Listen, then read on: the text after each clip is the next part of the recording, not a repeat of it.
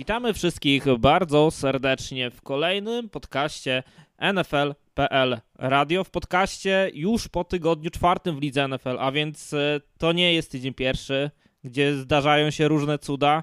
To nie jest tydzień drugi, gdzie ktoś jeszcze, czy tydzień trzeci, jeszcze nie do końca przed sezon, już po tygodniu czwartym to można stawiać pierwsze wnioski. E, zobaczymy, e, jakie dzisiaj też będą informacje w sumie w kolejnych dniach bo pozostał nam miesiąc do e, zakończenia trade deadline i to jest punkt e, programu, o którym będziemy mówić jako punkt specjalny. E, przypominam jednocześnie, że jeżeli chcielibyście, żebyśmy też się zajęli jakimś specjalnym tematem przez Was wybranym, to wpisujcie czy to w komentarzach, czy, mm, czy, czy gdzieś w wiadomościach prywatnych i będziemy, będziemy działać. No i oczywiście, tak jak co tydzień, przedstawimy to, omówimy to e, najważniejsze, co chcemy zapamiętać po tygodniu czwartym, no i co chcemy zobaczyć e, w tygodniu następnym. A skład sprawozdawczy dzisiejszego podcastu to prosto z Polski, Hubert Gawroński. Witam wszystkich. Stolica Podlasia się kłania. Jak się w ogóle odnalazłeś w Polsce? Czy jest lepiej ja jak rok temu? Ja, ja jest lepiej. Ja, ja co, co, za każdym razem, co wracam, to jest lepiej, wiesz? Ja, ja bardzo, bardzo się odnajduję na Podlasiu, ogólnie w Polsce. No więc... dobra, su e, dobra, dobra suplementacja i optymizm też już jest, więc o to chodzi. E, jest z nami hmm. oczywiście Maciej Zając. Witam serdecznie. Ze studia e, w Warszawie, ale Arrowhead w tle. No bo jednak klimat Chiefs trzeba utrzymać. Jest z nami Witek Cebulewski. Cześć. Witek zapracowany, Y, ale bo w ostatnim tygodniu komentował i w przyszłym tygodniu też będzie komentował e, o tym, co konkretnie to już powiemy przy rozkładzie tygodnia, ale ale też z pewnością naładowany newsami ligą NFL, no bo ten sezon już się napędza nam na dobre. E, ja nazywam się Karol Potaś, witam was wszystkich jeszcze raz bardzo, bardzo serdecznie. Przy okazji bardzo serdecznie też dziękujemy naszym patronom, 21 e, patronom na serwisie Patronite za, za całe wsparcie, za te wszystkie cegiełki, które dokładacie do naszego rozwoju. Naszemu sponsorowi technicznemu Ojciec Okienko, on ma też osobiste sukcesy w ostatnich czasach, ostatnich miesiącach, tygodniach i dniach, więc też gratulujemy z tej strony. No i mm, też Was zachęcamy e, do tego, byście, jeżeli jeszcze nas nie subskrybujecie, nie obserwujecie na różnych mediach, bo mamy i TikTok, i Instagram, Twitter, e, jest oczywiście Spotify, jest Facebook i grupa. Jeśli gdziekolwiek Was jeszcze nie ma, a posiadacie te social media, to zachęcamy do tego, by nas czy to subskrybować, czy, czy obserwować, czy E, gdzieś e, też z nami ćwierkać, chociaż to już nie jest Twitter, a X, e, ale zachęcamy też również tam do dyskusji, bo sezon się, tak jak wspominałem, nakręca, jest coraz ciekawiej. Widać zresztą, że wszyscy są w takim momencie troszeczkę delikatnego poddenerwowania, bo niektórzy już fani drużyn NFL mogą czuć się rozczarowani, niektórzy tak czują, że może jest nie do końca dobrze, ale może jeszcze się wykaraskamy, no a niektórzy też są no, już na fali lecimy po Super Bowl, no ale o tych wszystkich e, za chwilę będziemy mówić, a zaczynamy od tematu mm, tematu wymian, tematu wymiany zawodników, zwolnień, no bo wydarzyły się cuda. JC Jackson za grosze, za orzeszki trafia do New England Patriots. E, jak tłumaczyć w ogóle taki ruch ze strony Chargers oczywiście, bo to, że Patriots go wzięli za takie grosze, to, to, to jest jakby normalne, bierzesz wybór z szóstej i siódmej rundy, aż sobie to zapisałem, draftu, jeszcze nie 2024, a 2025. No to jest promocja, której nie spotyka się nigdzie, nawet w Biedronce. E, nie ma takich rzeczy, a Patriots to zrobili. Maciek, może zacznę od ciebie, konferencja AFC. E, najbliżej serca, o co chodzi i czy Chargers sabotują sobie sezon. Spotkały się tu dwie rzeczy, które są w NFL stałe jak mało co, czyli gracze Patriots nie wypalają poza Patriots i prędzej czy później tam wracają oraz Chargers to banda głąbów, którzy nie potrafią nic ogarnąć. Jak dostają no, dwie metalowe kulki, to jedną zepsują, a drugą zgubią. I po prostu te dwie rzeczy się tu spotkały. Ale jak, ja... Jak w ogóle to tłumaczyć? Nie wiem, no też... JC Jackson w Chargers był cieniem samego siebie z Patriots i to trzeba powiedzieć sobie wprost. Ale był tam chwilę. Ale tam kontuzje nie, wszedł, nie wszedły w grę trochę? Oczywiście. w grę kontuzje, oczywiście, że tak, ale wiesz, no zawodnik może być kontuzjowany, a, a mimo to w momentach, kiedy gra grać dobrze, a JC Jackson nawet w momentach, kiedy był zdrowy, nie grał zbyt dobrze. I ja się wcale nie zdziwię, jak się okaże zaraz. W tym sezonie może jeszcze nie, bo tam dochodzą problemy zdrowotne, dochodzą te problemy prawne, które wynikają w dużej mierze z nieuwagi JC Jacksona, bo tam był jakiś tam poszedł za nim chyba nakaz aresztowania, bo nie wpłacił A, 100 dolarów na, na cele charytatywne, czy jakaś inna pierdółka, którą mu zasądzono. No generalnie drobiazg. I, i on tu zgałganił, do tego słabo grał, więc Chargers po prostu się go pozbyli. No i ten, ten deal, który mu dali, ten pię, chyba 5 lat, 80 parę milionów, no zestarzał się jak mleko. No, no co zrobić? No Chargers go na charge. Tak, e, i JC Jackson docelowo, oczywiście dla Patriots raz, że frytki prawie nic za niego nie dali, oczywiście przejęli ten kontrakt, no ale... E, ale też, też większość te, za ten rok zapłacą Chargers. Zapłacą Chargers. Chargers tak. tak. No te kontuzje też były jednak, no to tutaj trzeba też e, JC Jacksona trochę obronić, no bo jednak ta, ta kontuzja była dość poważna. Także... Oczywiście. Nie, no jak najbardziej to była bardzo poważna kontuzja i, i to nie o to chodzi, tylko bardziej mam wrażenie, że, że JC Jackson za może w tym sezonie nie, ale w przyszłym sezonie będzie robił to samo, co chociażby Trent Brown wracający do Patriots po średnio udanej przygodzie w Raiders. Tak, pierwszy sezon miał dobry Trent, tam wtedy nawet, e, chyba był nawet w All Pro, a na pewno był w Pro Bowl, ale to w Pro Bowl to wiemy, że wszyscy są, więc nie ma co jakby tutaj aż tak do tego... Pro Bowl był, w Pro Bowl był Huntley z Ravens. Tak. drugim quarterbackiem, więc no to, to nie. No ale trzeba przyznać rzeczywiście, że, że, że jak się tak patrzyło przed sezonem, prawda, jeśli chodzi o secondary e, Chargers, no to była taka jakby nadzieja, tak, że po tym, po, po tym e, sezonie z kontuzją, no to będzie ważny element e, tej trzeciej linii obrony, więc to pod tym względem jest rzeczywiście zaskoczenie, tak, bo to, to, to jakby no,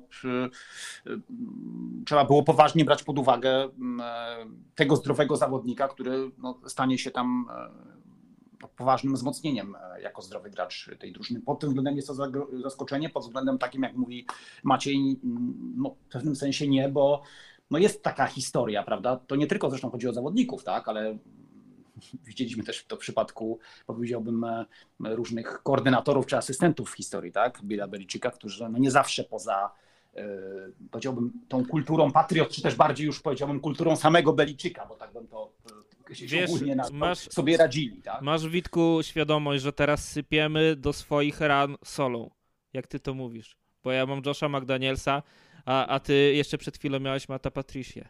No i w sumie no całą tak, no, ogromną tak, grupę ja, ja, ja, bardzo, wiesz, ja byłem bardzo krytyczny wobec y, Mata Patricia od początku. Y, po pierwsze, y, że za, za, pamiętajmy, że Matt Patricia zastąpił człowieka, którego ja zawsze lubiłem i szanowałem do dziś.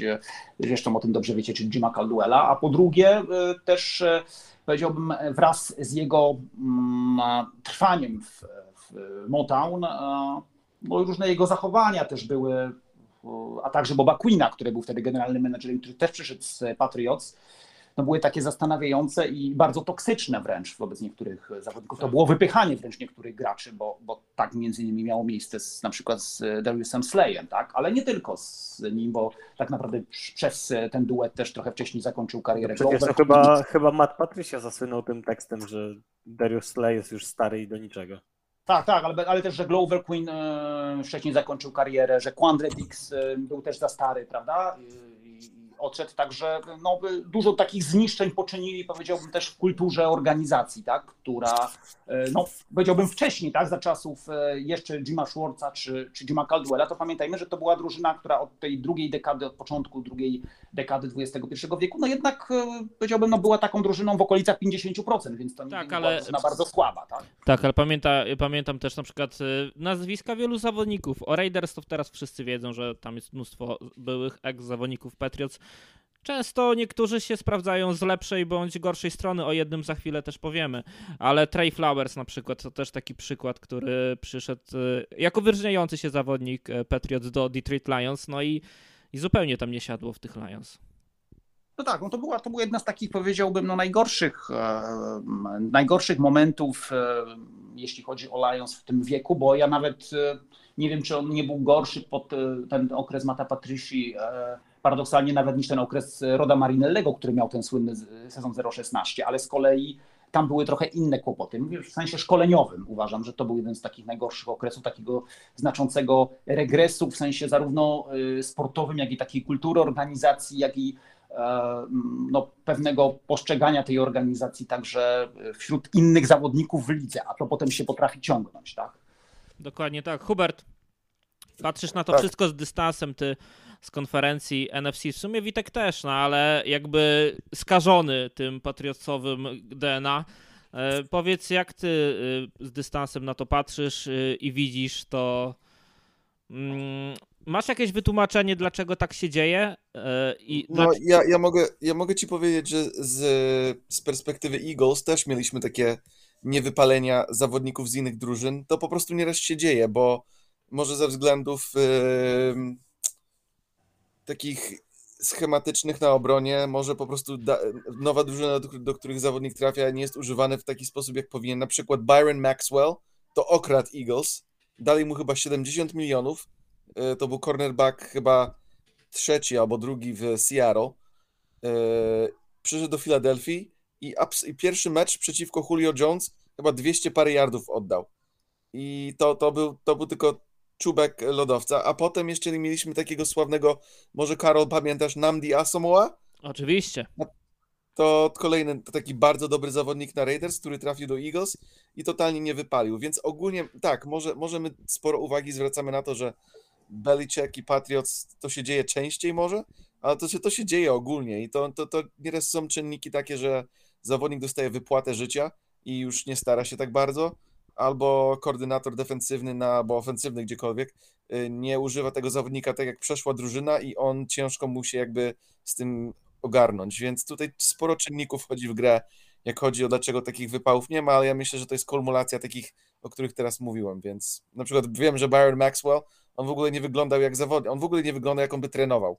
On był taki chudziak, taki widać po nim, że to człowiek dostał kasę i do widzenia, a Namdi Asamoah mi się wydaje, że po prostu jego szczyt jego sił po prostu minął i, i, i nie dojeżdżał w Filadelfii już. To dostaliśmy go za późno w karierze. Okej, okay. Witku, żeby trochę ten temat... To poczekajcie, jeszcze ja mam jedno, jedno pytanie. A propos, trochę a propos JC Jacksona, trochę a propos tych zawodników, którzy odchodzą i wypalają. Czy przychodzi wam do głowy jakiś zawodnik Patriots, wyłączając w tej chwili Toma Brady'ego, który poszedł do innej drużyny i grał na swoim poziomie z Patriots? Powiem ci, że Cokolwiek. bardzo dobrze gra teraz Jacoby Myers. Ale to dopiero jest no, sam początek, więc trudno ale mi ocenić. Ma, macie chodzi ci o gwiazdy, czy chodzi ci o no jakiegokolwiek? Chodzi o, o, takie względnie duże nazwiska. No takie, no, Jacoby Myers to jest dolna granica tego, co bym uznawał za osobę, o której warto tutaj rozmawiać. Danny, da, Danny Amendola. No, tak. Danny Amendola w Lions to jest jeden przykład. Van Noy nie był tragiczny. I tyle. To jest dobre pytanie. Dobra, Czy jakiś running back wypalił? Mam, mam nazwisko, Czy które... Wy... running back wypalił w Patriots? Ma, dobra, mam, mam nazwisko i Maciek na pewno uszczęśliwie ciebie, bo to będzie ktoś, kto wypalił poza Patriots. Tom Brady. Słucham. No ale powiedziałem, ale... pomijając Toma Brady'ego. E, Adam Vinatieri. O, właśnie, właśnie to, jest, to jest ta osoba, o której my, my też myślałem. kickerów jako ludzi. Tak, czy traktujemy kickerów jako ludzi, bo rozmawialiśmy o tym nie, no, razu. Z, Dlatego właśnie się uśmiechnąłem, że... Z, z Hubertem właśnie, że, że w sumie tak jedyną osobą, która przychodzi do głowy, to jest Nick Folk, teraz zarąbisty sezon. I coś osiągnął. Nick Folk kopie jak, e, jak zaprogramowana maszyna. No i wracamy do punktu wyjścia, czy kikerzy to ludzie. Tak, znaczy to, to też dlatego, że to są zawodnicy często po prostu taki, na takiej trochę oddzielonej wyspie, tak więc to jest zawsze pytanie, no, czy to są zawodnicy, których można no, do końca tak jest, do, że no, do kultury jakiejś organizacji. Znaczy do kultury tak, do gry jakiejś organizacji jest trudno, no bo jeżeli kicker nie ma fatalnego holdera, to on w każdej drużynie będzie okay, dokładnie jednego. tak samo. O, chyba Maciek mam jednego. Czy Richard Seymour grał dobrze w Raiders, jak odszedł od Patriots? Grał Chyba dobrze. rok dwa Karola grał. byś się musiał zapytać. Grał dobrze, ale to jest jednak trochę inne czasy, mam wrażenie, że może to wtedy trochę było e, może mniej tego belicikowego skażenia, że to Nawet jest... Mike, Mike Vrabel przychodząc do Chiefs był średni. No jest tak, że faktycznie trochę to siada. Z różnych względów. Dave Ziegler, e, generalny menadżer e, teraz Raiders, jest całkiem spoko generalnym menadżerem, ale też dopiero to jest generalny menadżer, więc też trudno powiedzieć, ale nawet na tych najwyższych szczeblach, jeżeli mówimy o, o innych, to, to faktycznie no jest coś takiego, że, że w tych Patriots później paradoksalnie ci zawodnicy odżywają, bo mm, no Trent Brown był takim zawodnikiem, który dał jakość Raiders i był ścianą po tej prawej stronie, ale przez jeden sezon. A później mu się odechciało grać w futbol. Um, I tutaj jeszcze, Witku, mam do ciebie takie pytanie, żeby mówię trochę z tego skażenia patriocowego powoli schodzić, e, to e, z pewnością też śledzisz i, i wiesz, i znasz takie też historie z przeszłości. Chandler Jones. Powiedz, e, jakie jest twoje mm, podejście do tego typu sytuacji? Raiders nie chcieli go zwolnić, chcieli dać mu się wyleczyć. Zaczął pluć na nich w mediach różnymi jakby takimi informacjami, które można było w sumie przypisać, do każdego, bo on nie zaznaczał żadnych nazwisk tak naprawdę. Później coś tam powiedział, że to jednak Josh McDaniels, ale przez kilka, kilka tych dni tam jakby tworzył swoje teorie. Mm, Teraz, e, jeszcze mówię o tym czasie do, do momentu, kiedy był zawodnikiem Raiders. E, Teraz Raiders go zwolnili. Mm, Trudno jakkolwiek e, organizację, właśnie nie wiem, czy to bronić za taki ruch, czy, czy karcić za taki ruch, bo tutaj się odzywają problemy zdrowotne. Powiedz, e, jak ty to z perspektywy też trochę takiej przyszłości oceniasz samą postawę Chandlera i Raiders i czy można go uratować jakoś, bo nad tym chyba się zastanawia cała liga NFL.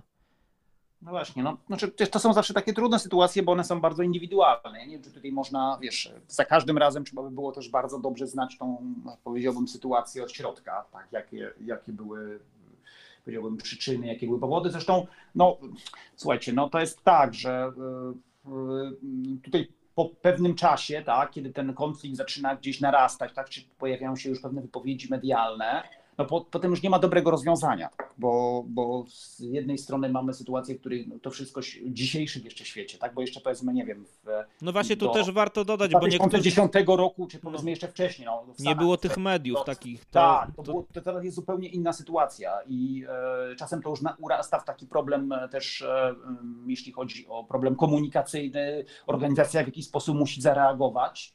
E, no też zresztą w tym sezonie nawet mamy tego typu sytuacje, tak? Podobne oczywiście, nie takie same, ale mamy z Claypoolem, tak? Też sytuacje, prawda? Gdy też się, pojawiają jakieś wypowiedzi, tak?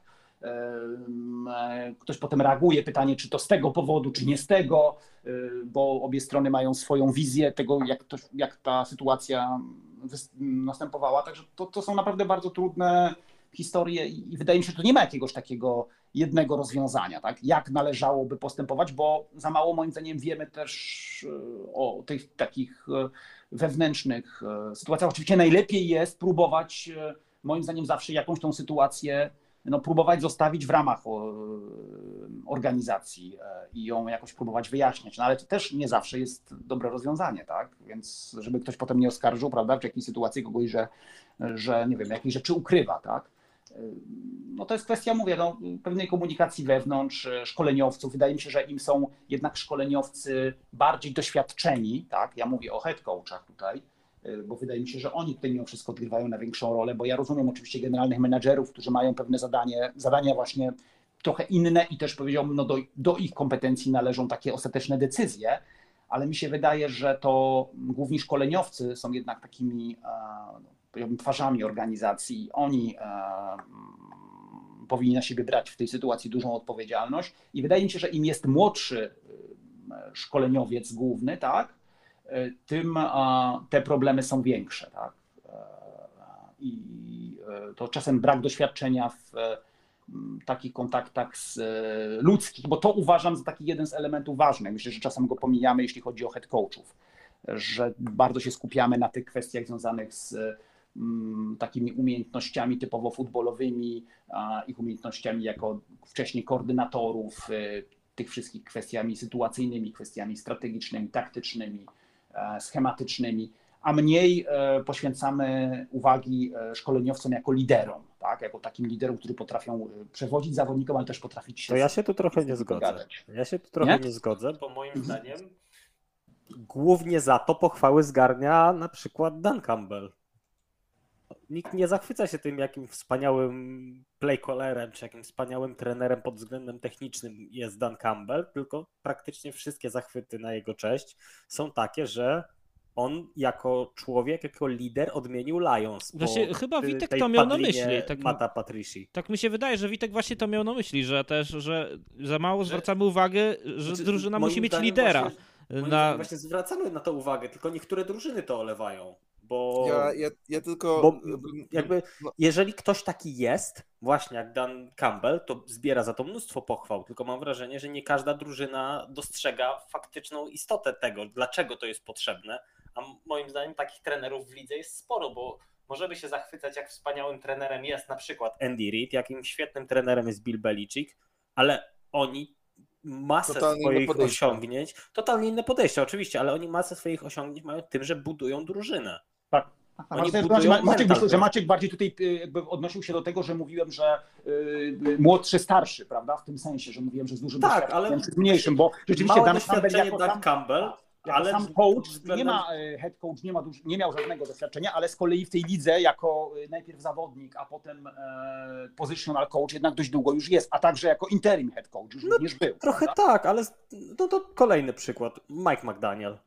On to nie jest człowiek, który był jako zawodnik, jako nie wiadomo jak długo, jako coach i tak dalej, ale to jest ktoś, kto moim zdaniem wprowadził jakąś mentalność, jakiś to powiem wam, bycia w Ludzie lubią to, że on jest luzik. Tak, jest, ale to tej drużynie pasuje, bo nie każdej drużynie to by pasowało. Tak, nie wyobrażam ja sobie teraz McDaniela wchodzącego po Billu Belicziku do Patriots i działającego w ten sam sposób. No, no nie, ale w Miami ja to działa. Ja, ja tylko bym chciał do, dorzucić trzy słowa.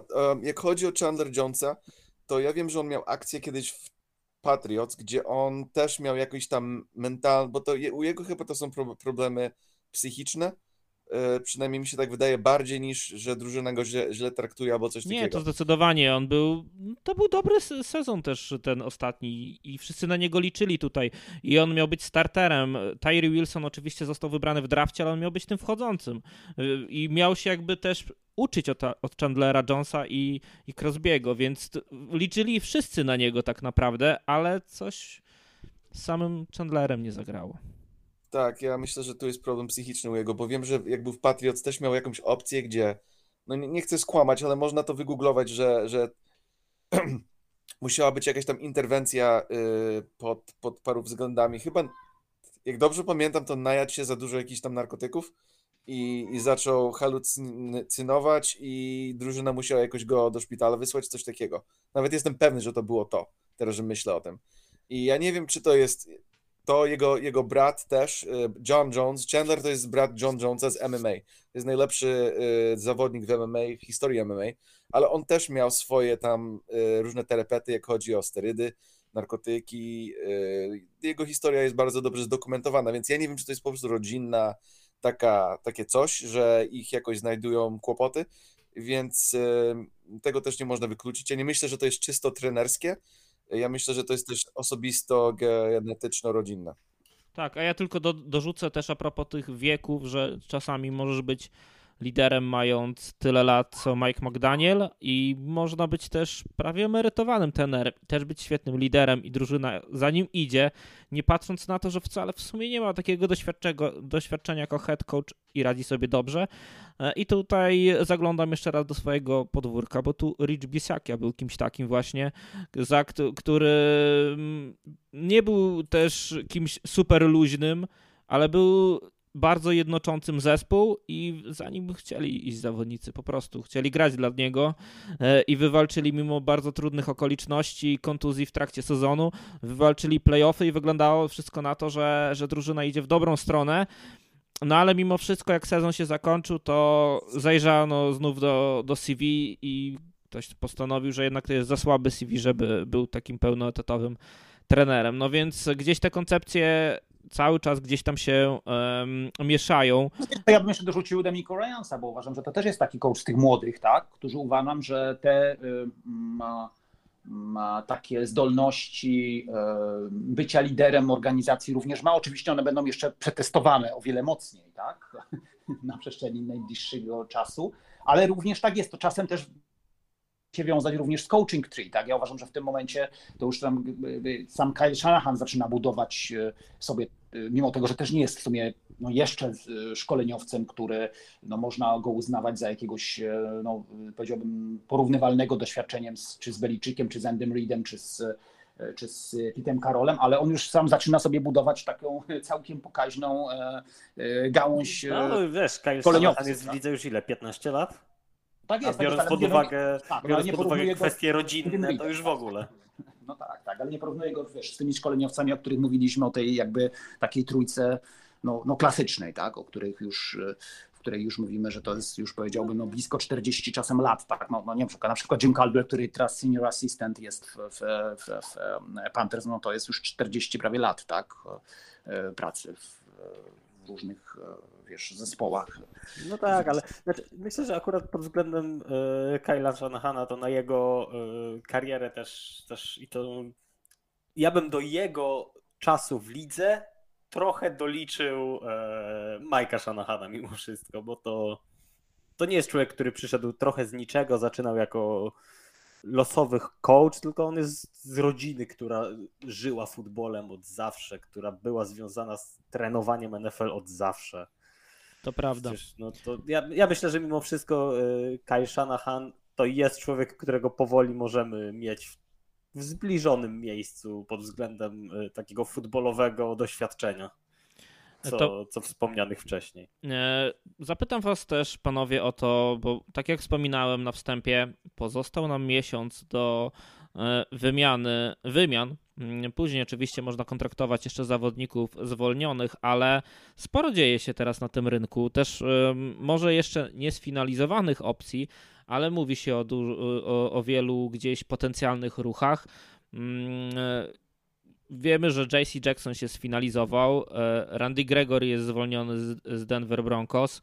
E, wiemy o Chandlerze Jonesie, on raczej już nigdzie nie zagra w futbolu, ale niech wraca do zdrowia. Natomiast Chase Claypool to też zawodnik, o którym wspominaliście wcześniej, chyba ty Witku, mm, tak. że e, to też zawodnik, który przyszedł z chyba sporymi oczekiwaniami do e, Chicago Wydali Bears. za niego de facto pierwszą rundę, no bo to był znaczy, nie, wtedy nie może druga, ale ale otwierająca. No, no, ale otwierająca druga przy zabranym piku Miami, więc no tak, to jest. Chodziło na to, trochę na to samo. Tak, więc e, a to była poważna inwestycja, tak? Tak, no i właśnie już tak szybko po tej inwestycji wiemy, że Chicago Bears chcą go wymienić. Nawet za piątą rundę by, byliby w stanie go oddać, piątą czy szóstą. E, byliby w stanie go oddać i nie ma chętnych podobno na niego, no ale to raczej jest powód taki, bo wszyscy wiedzą, że Bears są w, w akcie desperacji i że jeżeli nie będzie tej piątej, szóstej rundy, to oni go po prostu zwolnią. E, I dużo takich ruchów gdzieś jest, wskazujących na to, że zainteresowanie, jeśli chodzi o skrzydłowych, będzie. E, jak wy oceniacie i co myślicie, że może się spełnić? Może Maciek, ty e, powiedz, jeśli chodzi o Claypoola, bo to dosyć mocne, mocne nazwisko, wciąż młode. Mm, no to i było mocne nazwisko w rookie sezonie chyba? On chyba miał rookie sezon taki fenomenalny w Steelers. Tak, ale co ogólnie sądzisz? Będzie dużo wymian twoim zdaniem? Bo tych plotek jest ogrom. Mówi się, że Carolina znaczy, Panthers myślę, będzie chciała... że jest kilka drużyn, które będą polować na zawodników i jest kilka drużyn, które będą wystrzeliwać się z asetów, które mają. Czyli to będzie klasycznie trochę jak co roku, czyli drużyna, która miała być dobra, okazuje się, że gra piach, no pozbywa się zawodników, żeby zacząć, zacząć reset, a drużyna, która miała być średnia albo słaba, a okazuje się, że nawet niezły bilans zaczęli wykręcać, no to szarpnie się po jednego czy dwóch zawodników, żeby spróbować osiągnąć coś więcej. I Carolina jest troszkę, troszkę innym tematem, bo, bo tam no oni zaczęli zgodnie z planem, czyli są 0-4 No ale tam widać, że trochę brakuje e, wsparcia dla e, Bryce'a Younga. Mówi się, że będą szukać WRA 1. Może jakby na przykład nie oddali do Bears swojego WRA 1, to by nie musieli szukać. No inna sprawa, czy wtedy mieliby pik na Bryce'a Younga, no ale no można to było pewnie załatwić inaczej. No ale w tym kontekście mówi się oczywiście Claypool to jedno, ale też e, No ale- Chase Higgins. Znaczy, gdyby ściągnęli, e, gdyby ściągnęli. Claypoola. Higgins, na tak. jedynkę, serio? Nie. On, on nawet nie był jedynką w Bears, jak tam przychodził. Nie, to jest zawodnik, którego się podpisuje jako ostatnia deska ratu- ra- ratunku dla jego, zobacz, żeby po prostu z samej, samej Tak. tak jakby, żeby, żeby po prostu dowiedzieć się, czy on coś ma i czy jest zainteresowany uratowaniem swojej kariery.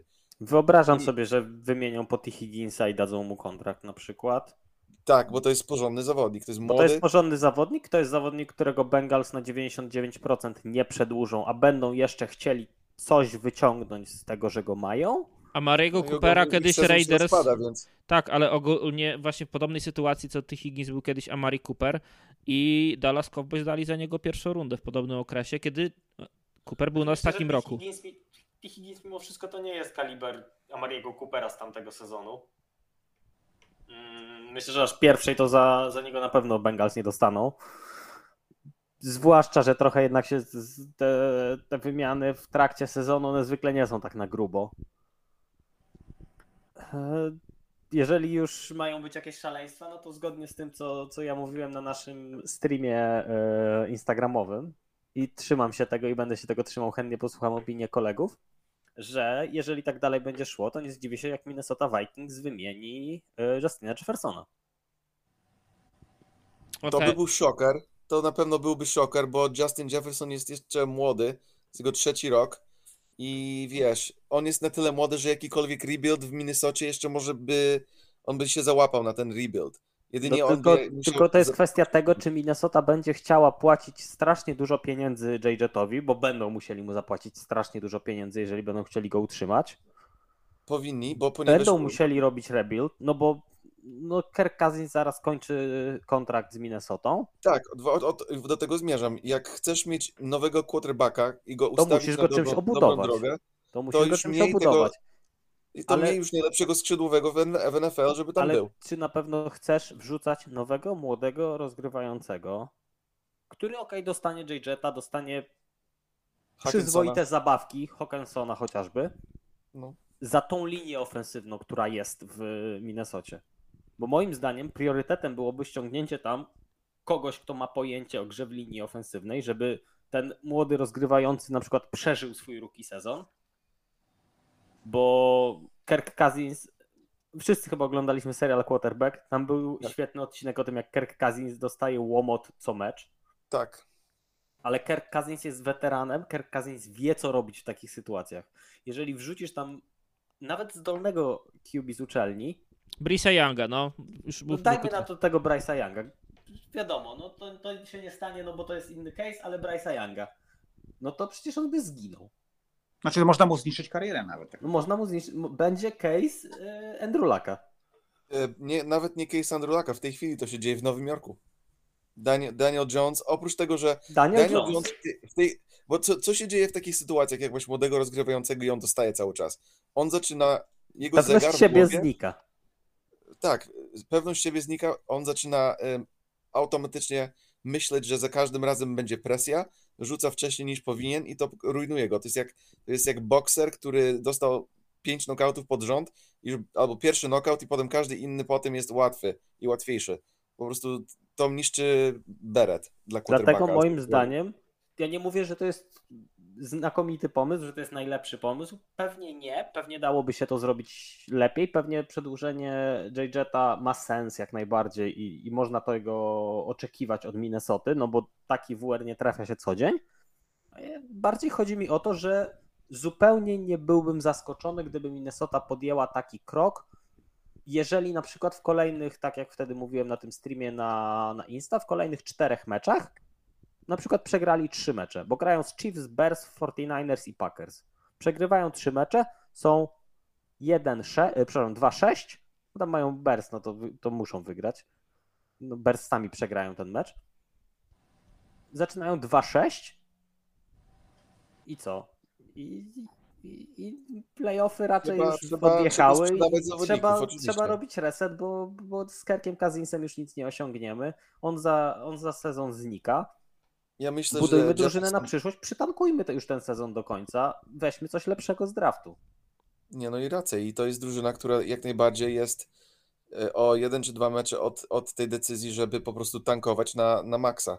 No tak, Yy, ale ale- za JJeta możesz wziąć dwie pierwsze rundy spokojnie, moim zdaniem. Nawet Możesz. z tym, że musisz mu dać zaraz dru- gruby kontrakt. Możesz, ale czy znajdziesz JJeta w, w, w drafcie?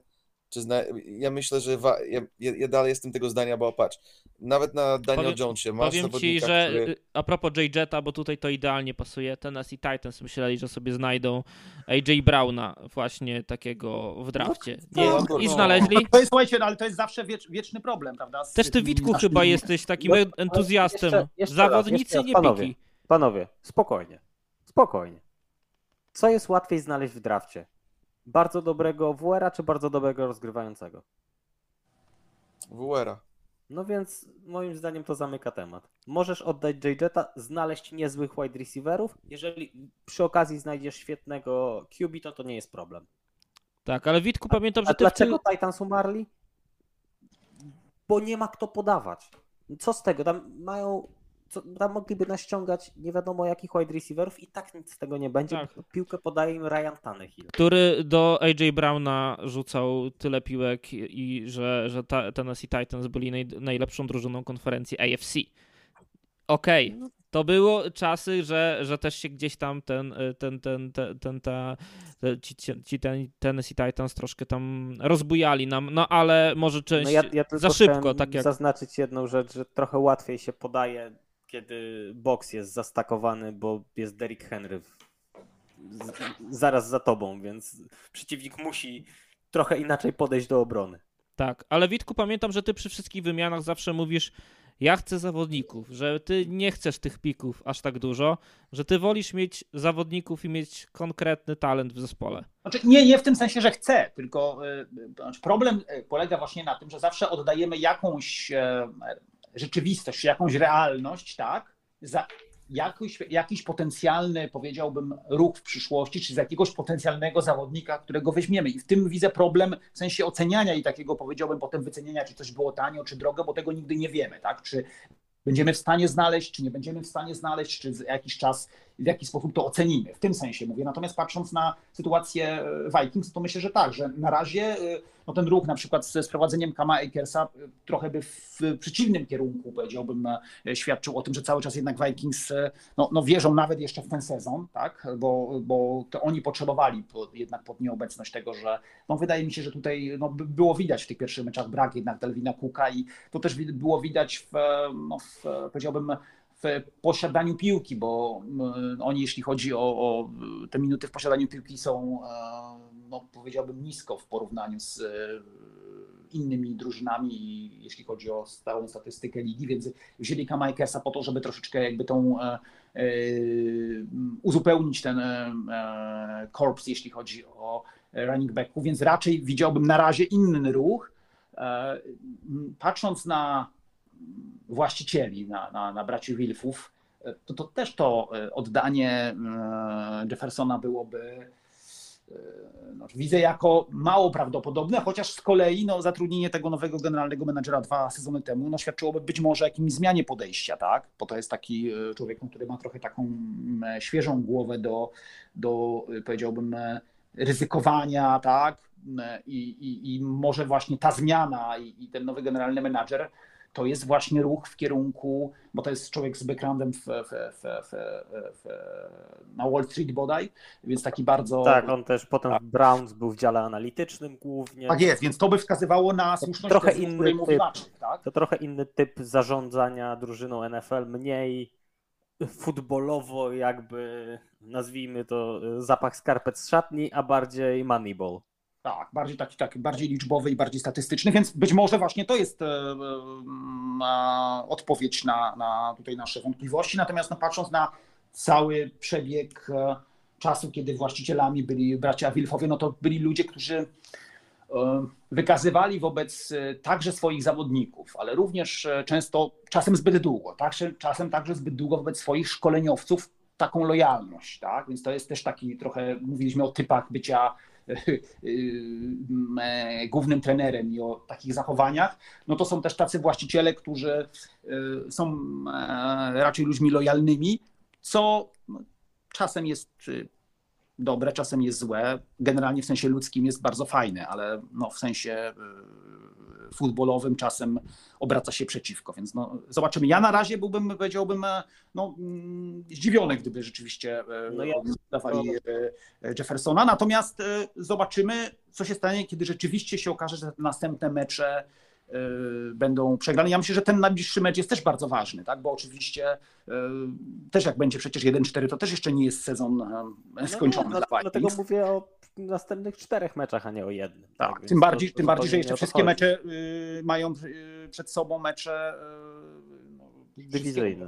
dywizyjne, prawda? No generalnie, znaczy ja powiem tak, mnie takie zachowanie by nie zdziwiło, ale jest jedna ważna rzecz, którą na pewno wiedzą Vikings, a której na pewno nie wiemy my, jak wygląda kwestia y, podpisania nowego kontraktu z Jeffersonem. Bo jeżeli Vikings wiedzą, że się z nim nie dogadają, hmm no to mogą troszkę przychylniej spojrzeć na kwestię oddania go. A jeżeli wiedzą, mają ustalone wstępnie, że na przykład, dobra, Justin, za tyle się zgodzisz zagrać, tak, spoko, nam to pasuje, tobie to pasuje, no to nie będą go oddawać, bo mają dogadaną jakąś tam umowę.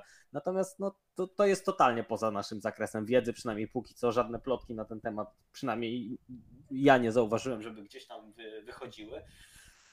Ja to rzucam jako coś, co może się wydarzyć. Moim zdaniem byłby to na pewno dla ligi duży wstrząs, ale byłoby to coś, co, co na pewno ciekawie by, ciekawie by się oglądało. No to pamiętajmy. Po wybuchu jądrowym. No tak, tak, bo to jest zawodnik, który pamiętajmy, no i patrząc nawet na te dotychczasowe e, uzyski w tym sezonie, no on jest, e, powiedziałbym, na, idzie na wynik, patrząc statystycznie, oczywiście to nigdy się potem tak nie dzieje linearnie, ale no w tym momencie idzie na wynik e, no powyżej chyba 2000 yardów. No on tam ma jeszcze, jeżeli zostanie w, w Vikings na dłużej, no to ma jeszcze dwa mecze z Bears i jeden mecz z Broncos, no to tam już może w samych tych meczach ze 2000 natrzaskać, biorąc Pamiętajmy, że rekord, fenomenalnych Broncos. Rekord w sezonie cały czas należy do Kevina Johnsona, bodaj 1964 z tego co pamiętam, to jest w sezonie rekord. No to jeszcze jest szansa na odebranie rywalom z dywizji rekordu. Tak jest, więc no, to jest rzeczywiście w tym momencie zawodnik zdecydowanie no, gwiazda numer jeden, moim zdaniem to taki typowy X-receiver, tak? Więc no, taki znaczy, a propos, można powiedzieć, że być może Bears też trochę liczyli na um, Claypoola, że takim no, będzie takim e, e, X-receiverem, tak? Bo mieli DJ Mura i, i, mieli Claypoola, bo Claypool z tego co pamiętam w, raczej w Steelers tej ofensywie, no on był tam raczej częściej jako slat, tak? Wykorzystywany, a tutaj liczyli, że to będzie takim, takim no elementem, który bardzo pomoże Justinowi e, Fieldsowi, no ale teraz widzimy, że też się już e, będą z nim e, rozstawać. No i to też pytanie, prawda, w jaki sposób, widzę, że no, tutaj współczuję trochę Matowi Eberflussowi, bo no widać, że ma duże też problemy, a to jest młody mimo wszystko coach, dużo się na niego takich elementów różnych, powiedziałbym, zwaliło, tak, no i pytanie, czy sobie z tym będzie w stanie mm, poradzić, bo no jako defensywny koordynator no był takim człowiekiem, którego bardzo szanowałem za jego pracę w Colts, ale teraz e, no, wyzwania są przed nim bardzo duże. Ja nie wiem, nie wiem tak naprawdę, czy szczerze mówiąc tak, e, chociaż tego na razie nie uważam, żeby to był dobry ruch, ale nie wiem, czy, czy, jest, czy możemy być pewni, że, że, że przy takiej sytuacji, która się tam powiedziałbym z tygodnia na tydzień dzieje, czy on dotrwa do końca sezonu, tak? Znaczy ja byłbym w szoku, jakby go zwolnili, bo jeśli się nie mylę, ty jesteś lepszy w historii ode mnie, to byłby pierwszy zwolniony w trakcie sezonu trener Bears. Tak, tak, tak, tak. No, no to jest też kwestia, yy, prawda? Yy, Więc ja myślę, że. I, I, właścicieli ich podejścia, też takie lojalności. Ale... Trochę z tego powodu raczej go nie, nie pożegnają w trakcie, natomiast nie zdziwi mnie, jak go pożegnają po sezonie, bo no jest wrażenie, że on sobie średnio radzi. Natomiast no, no to jest kwestia tego, co, co myśli sztab, co myśli e, GM. Czy GM też nie zostanie pożegnany, bo póki co, no ja bardzo dobrze e, wspominam. E, ojej, wypadło mi nazwisko. Pamiętam, że był właśnie w Chiefs i jako szef Ryan scoutów. Tak, Ryan, Ryan Poole. Mhm. Był jako szef scoutów w Chiefs i, i zbierał bardzo dobre recenzje tam. I, i nawet były on był jedną z osób, która mogła przejąć e, bycie general managerem po. O Jezu, przed tym jak Wicz przejmował general managera, był. No, czekaj. Fa fatalny jestem z nazwiska. Chryste panie. On potem był w Browns, ten człowiek, o którym ja myślę. To w międzyczasie, w międzyczasie e, to sobie przypomnisz, a ja tylko dorzucę taką, taką rzecz, o której też mówimy, o młodych rozgrywających i że niektórym dorzucenie takiej gwiazdy mogłoby bardzo pomóc w rozwoju. I tutaj idealnie nam się to spina, ten temat klamrą. To John Jalen... Dorsey. A, okej. Okay. Dorsey, tak. Możesz powtórzyć, Maciek, jeszcze raz? John Dorsey, właśnie on miał okay. być, yy, był tam w kręgu jako ktoś, kto może Dorseya zastąpić. Ostatecznie zastąpił go Wicz, ale no no to świadczy o tym, jak wysoko był oceniany w drużynie też. Jasne. I tutaj, e, tak mówię, kończąc e, myśl i zwracając się do Huberta, bo y, okazuje się, że czasami ten młody rozgrywający dostaje super skrzydłowego i kwitnie. I po prostu kwitnie, bo rzuca 10 piłek na mecz, ma pewną opcję i gra zupełnie inaczej, jest zdecydowanie pewniejszy też na boisku.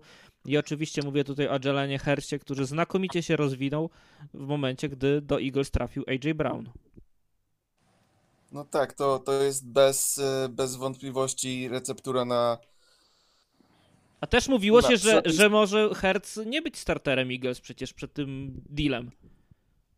No, bo tak naprawdę było dużo pytań. Tak, on sam, on sam sporo się rozwinął, bo on po prostu jest zdeterminowany gość, ale chodzi też o to, że duży, Howie Roseman patrzył, co się stało z Josh Allenem, jak dostał Stefana Dyxa. Yy, Pat Mahomes miał Eric Hilla i nie jest łatwo widzieć, że jak masz quarterbacka i on ma dobrych zawodników, do których rzuca, lub biegaczy, cokolwiek, jak ma dobry dobry sztab na ataku, to, to jednak e, to raczej pójdzie pozytywnie. Nawet sam Howell, który mimo to, że rzucił 4 inty dwa tygodnie temu, miał kolejny dobry mecz przeciwko Eagles i wygląda, że jakieś tam szanse może na startera być, mieć, tylko przez to, że on ma dobrych e, zawodników wokół siebie, więc ja się zgadzam z Witkiem yy, pod tym względem, że ja, ja bym nie rezygnował z dobrych zawodników, jakich mam, to ich trzymam, jak mam dobrego skrzydłowego, jak, jak mogę dodać dobrego skrzydłowego, jak AJ Browna, to ja go dodaję, bo ja chcę da dać dla mojego młodego y, rozgrywającego jak najlepsze szanse na sukces. I to często wypala, nie zawsze, ale często wypala. Jako skrzydłowy nie ma linii, nie ma nic i wygląda jak wygląda. To jest, to jest, y, to jest drugi świat tego, jak się nie daje dla, dla swojego quarterbacka tych, tych opcji. Więc raczej powinni GM'i brać przykład od Bills, Eagles, tych drużyn, co, co mają kwitnących y, y, quarterbacków i, i po prostu kopiować y, metodę. To prawda. No, generalnie słuchajcie, no, musimy na tym się chyba z tym wszystkim na końcu zgodzić, z takim stwierdzeniem, że w sumie no, nie, ma, nie ma reguł niestety. No, gdyby takie jasne, proste reguły były, e, to no, mielibyśmy większość drużyn, większość ekip, która kwitnie. Oczywiście jedna może zdobyć tylko mistrzostwo, ale E, czasem ludzie, którzy się gdzieś sprawdzają, tak, na jakimkolwiek stanowisku, w jakiejkolwiek e, konfiguracji. Mówimy tutaj, mówiliśmy tutaj dzisiaj o, o rozgrywających, o, o, generalnych menadżerach, o, o, mm, szkoleniowcach, tak, i o pomysłach. One się w innej konfiguracji po prostu nie sprawdzą. E, okej, okay, tutaj. No i oczywiście trener musi być na tyle, na tyle dobry, żeby też użyć te wszystkie, żeby stworzyć atak do sił swojej drużyny. To, to jest kolejna rzecz, bo y, jak widzimy w Eagles, to ten atak jeszcze nie rozwinął się tak jak rok temu, kiedy Steichen był ofensywnym koordynatorem i, i zmiana trenerów też wpływa na to, jak zazwyczaj jak masz dobrych zawodników, to ta drużyna będzie dobra bez względu, ale jak trener nie wie, jak ich użyć, jak jakby złożyć tą y, przenośną zupę, jak, jak, ją, jak ją ugotować, no to, to dalej może nie do końca dobrze wyglądać. Więc tak, Witek, wszystko musi grać na w miarę dobrym poziomie, żeby drużyna miała sukces. A w międzyczasie pojawiła się informacja, to tym możemy zakończyć ten wątek. JC Jackson, nakaz aresztowania uchylony. Dzisiaj pojawił się w sądzie, więc no, kolejna, kolejny kamyczek do ogródka Chargers po prostu oddali, oddali go bez walki i też, tak jak Maciek wspominałeś, mam wrażenie, że za chwilę JC Jackson będzie starterem, który znowu gdzieś, może nie od razu, nie w tym sezonie, ale wróci do swojej bardzo wysokiej formy i będą mieli bardzo dużo pociechy z niego. E, Patriot, szczególnie, że zna te wszystkie systemy i, i doskonale sobie e, w tym wszystkim radzi, a, a jeszcze... Wraca do domu po prostu. Tak, a jak Christian Gonzalez jeszcze wróci do zdrowia w przyszłym sezonie najpewniej, no to znowu ta defensywa będzie mocarna, jak wszystkie praktycznie defensywy Billa Belicika. Okej, okay, panowie, przechodzimy do tego, czym zapamięta zapamiętaliście ja tydzień czwarty, tak? Ja mam jeszcze jedną rzecz, zanim przejdziemy do tygodnia czwartego. W związku z tym, że e, ostatni podcast mieliśmy bardzo mocno w klimacie Taylor Swift, to ja przeszedłem do drugiej strony tej relacji, Travis Kelsey, i w związku z jego urodzinami chciałbym zadać wam dzisiaj jedno pytanie. Ja nie będę na nie odpowiadał, bo, bo moja opinia będzie tutaj bardzo stronnicza. E, ale panowie, co musiałoby się stać, żeby neutralni kibice, bo nie mówię o kibicach Patriots, ci nigdy tego nie uznają realnie, żeby neutralni kibice uznali Kelsey'ego za Tyrant 1? Czego brakuje waszym zdaniem? O, czekaj chwilę, bo to jest, czy to jest jakieś głupie pytanie? Nie, ja mówię serio. A kto nie uznaje kto nie uznaje Kelsey'ego jako Ja Titan mówię o Tyrant 1 w historii, nie obecnie w lidze. A, okej, w historii, okej, tak, okej. tak, tak. Ty, ja, ja myślę, że on już, już jest w, na pewno w górnej piątce. Jak patrzę na jego statystyki, to jeszcze, bo Tony Gonzalez miał sporo tysiącjardowych stronów. Ja tak się No zastanawiam, kto miał tak dużo tych. Moim zdaniem, ale musiałbym to sprawdzić, tak, żeby dokładne cyferki mieć. Tak, Antonio Gates jest bardzo dobry, ale nie wiem, czy on to robił przez tyle lat, ale on sporo lat miał też takich elitarnych. On, on, jest, on jest w dyskusji w tej chwili. Znaczy, ja myślę, że spokojnie, jeżeli robimy top 5 tajendów, no to O, spokojnie. Gronk, spokojnie. Kelsey, Gates, e, Tony Gonzalez musi tam być. Tony Tony Gonzalez na pewno. i nie wiem, i szukamy piątego. Może Shannon Sharp. Tak totalnie bez żartów. O, jego statystyki nie są takie, takie niesamowite, ale na ten czas, kiedy on grał, to były, to były bardzo Sprawdziłem dobre. dla ciebie. e, Antonio Gates miał dwa sezony 1000 yardów. E, Tylko? Tak, miał trzy sezony 900 plus, ale w sensie jeszcze trzy 900 plus, ale miał tylko dwa sezony 1000 A plus. powiedz mi, ile razy złapał ponad 100 piłek? Bo chyba Kelsey parę razy to zrobił. Ile razy złapał ponad 100 piłek? Ani razu. No to masz swoją odpowiedź. To raczej Kelsey, okej. Czekaj, ja, to jest dobre Tony pytanie. Bo... Gonzalez specjalnie dla ciebie. Tony Gonzalez miał cztery sezony 1000 plus i jeden 100 złapanych piłek plus. Tak, tylko że ja wiem, że, że jakby to też trzeba gdzieś tam patrzeć, gdzie, jak te drużyny wszystkie gdzieś tam sobie grały, ale te ostatnie lata to Atlanta Falcons i też tam no nie było zbyt dużej jakości. Zresztą patrząc na to, gdzie był e, Tony Gonzalez e, i jakie miał wyniki, a nigdy nie wygrał Super Bowl, to też jest takie... Swoją drogą, to swoją drogą jakby trochę na minus jego historycznych dokonań. Natomiast moim zdaniem absolutnie top 5 Tonego Gonzalesa tutaj nie możemy, w ogóle to nie ma tematu. Jest, koniec. Tak, znaczy na pewno ja uważam, że tak, ja bym e, tu patrzył rzeczywiście nawet może więcej, oczywiście e, patrząc na to, że jeszcze e, Kelsey jeszcze nie zakończył kariery, tak? Więc tutaj też No to dlatego właśnie w sytuacji biorę- e, dlatego pozytywnej w porównaniu Właśnie tutaj rzucam to, co on jeszcze musiałby osiągnąć do końca swojej kariery, żeby mógł być przez neutralnych kibiców autentycznie rozpatrywany jako ta jedynka historyczna. Bo zakładam, że Okej. wszyscy jesteśmy tutaj zgodni, że na dzisiaj jedynką historyczną jest Gronk. Mm, Tony Gonzalez chyba jest, bo ja teraz tak patrzę na ich statystyki. No, ale wiesz, te statystyki nie mówią wszystkiego. Jasne, No tak. możemy patrzeć przez pryzmat cyferek, ale myślę, że mimo wszystko, pomimo tego, że uwielbiam Tonego Gonzaleza i było mi mega przykro, jak odchodził do Falcons, to chyba jednak historycznie większe piętno na pozycji Tajenda odcisnął Gronk. Pomimo, Ja- że tota- jego totalnie nie znoszę z kolei. Ja, ja ci powiem tak. Y, jak bierzesz wszystko pod uwagę, statystyki, efekt jaki ma na mecz, eksplozywne, zagranie No. eksplozywne, Tak, jakbyś miał wybrać do swojej drużyny jednego Tajenda z historii NFL całej ever, to Ja nie wiem, czy Kelsey by nie był. Ja myślę, że Kel- ja bym wybrał Kelsey, bo Gonzalez był bardziej possession receiver i taki atletyczny. On nie. On nigdy ci 60-yardowej touchdownu nie zrobi. On był taki bardziej possession, no nie? No Tak, tak. Gronk no. rozwalał ludzi i uciekał, ale czy... Ale on nie był minimalnie mniej eksplozywny od Kelsey'ego. No, Ja Gronk na pewno był gorszym receiverem niż Kelsey. Ale z drugiej No strony y, patrzyliśmy czasami na to, jak grał Gronk. y, Czasami w trakcie sezonu dostawał mało piłek, y, też fantazy, to czasami się go wystawiało, on tam robił dramatyczne cyferki, ale włączał też tryb playoffs i to był też zupełnie inny zawodnik. I Tak, dlatego ja mam w tej chwili Gronka totalnie szczerze jako jedynkę i moim zdaniem Kelsey jest minimalnie tuż za nim i jeżeli na przykład udałoby mu się jeszcze do końca kariery wygrać jakiś Super Bowl, trzasnąć kolejny sezon 2000+, plus, to moim zdaniem już nie ma dyskusji i Kelsey jest jedynką. Natomiast pytam was jako trochę bardziej neutralnych kibiców, no bo ja jako kibic Chiefs, no to jestem stronniczy tutaj. to Witku zakończ e, ten temat. Powiedz, co, co twoim zdaniem właśnie Kelsey musiałby zrobić, by być takim niekwestionowanym numerem jeden? Znaczy ja nie wiem, czy, czy on już musi robić, bo on jest cały czas w tej dyskusji, a takie dyskusje się nigdy nie, nie zakończą, tak? Tak jak tutaj możemy mówić, e, ja pewnie z racji tego, że się bardziej odnoszę do tych kwestii historycznych, no to bym e, być może pewnie mocniej niż e, Gronka widział jednak to- Tonego Gonzaleza mimo wszystko, tak? Ale mm, to mówię, no taka, taka historia się nigdy nie skończy. No ja bym też zwracał uwagę na, na, na jednak na, na Kelena Winslowa, tak? No bo on był takim no, prototypem być może współczesnego tight enda, tak? To jeszcze Mhm.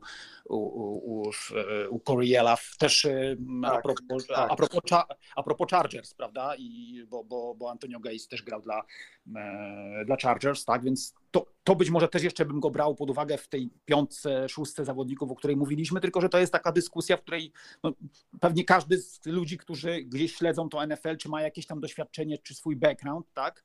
Powie o czymś innym, bo pewnie inne będzie elementy brał pod uwagę jako najważniejsze, tak? Jeden weźmie tytuły mistrzowskie, tak? E, I e, no, e, to, co dzisiaj byśmy mogli oceniać e, takim efektem e, no, no, bycia w takich organizacjach, które przeszły już do historii, prawda? No bo Patriots w porównaniu z Chargers, tak? W których grał Gates, ale nawet tego e, tych drużyn Dana Coriela, które przecież no, Chargers w tym czasie no, nie, jednak nie osiągnęli, nie, nie, nie, można ich porównywać z Patriots, z ich sukcesami, no to ci będą zawsze trochę no, wyżej oceniani, bo, bo coś wygrali, tak?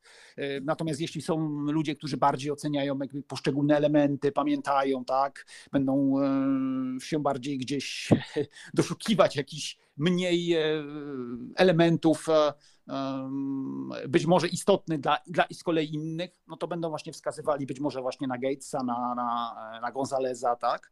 E, Natomiast według mnie no w tym momencie, moim zdaniem w tej e, no, dla mnie w tym momencie pewnie byłby w tej dyskusji e, z, razem z mm, Tonym Gonzalezem, tak? To taką ja dwójkę widzę, nawet wyżej, jakby już ich oceniam tą dwójkę w tym momencie. U mnie oczywiście są wyżej niż Gronk.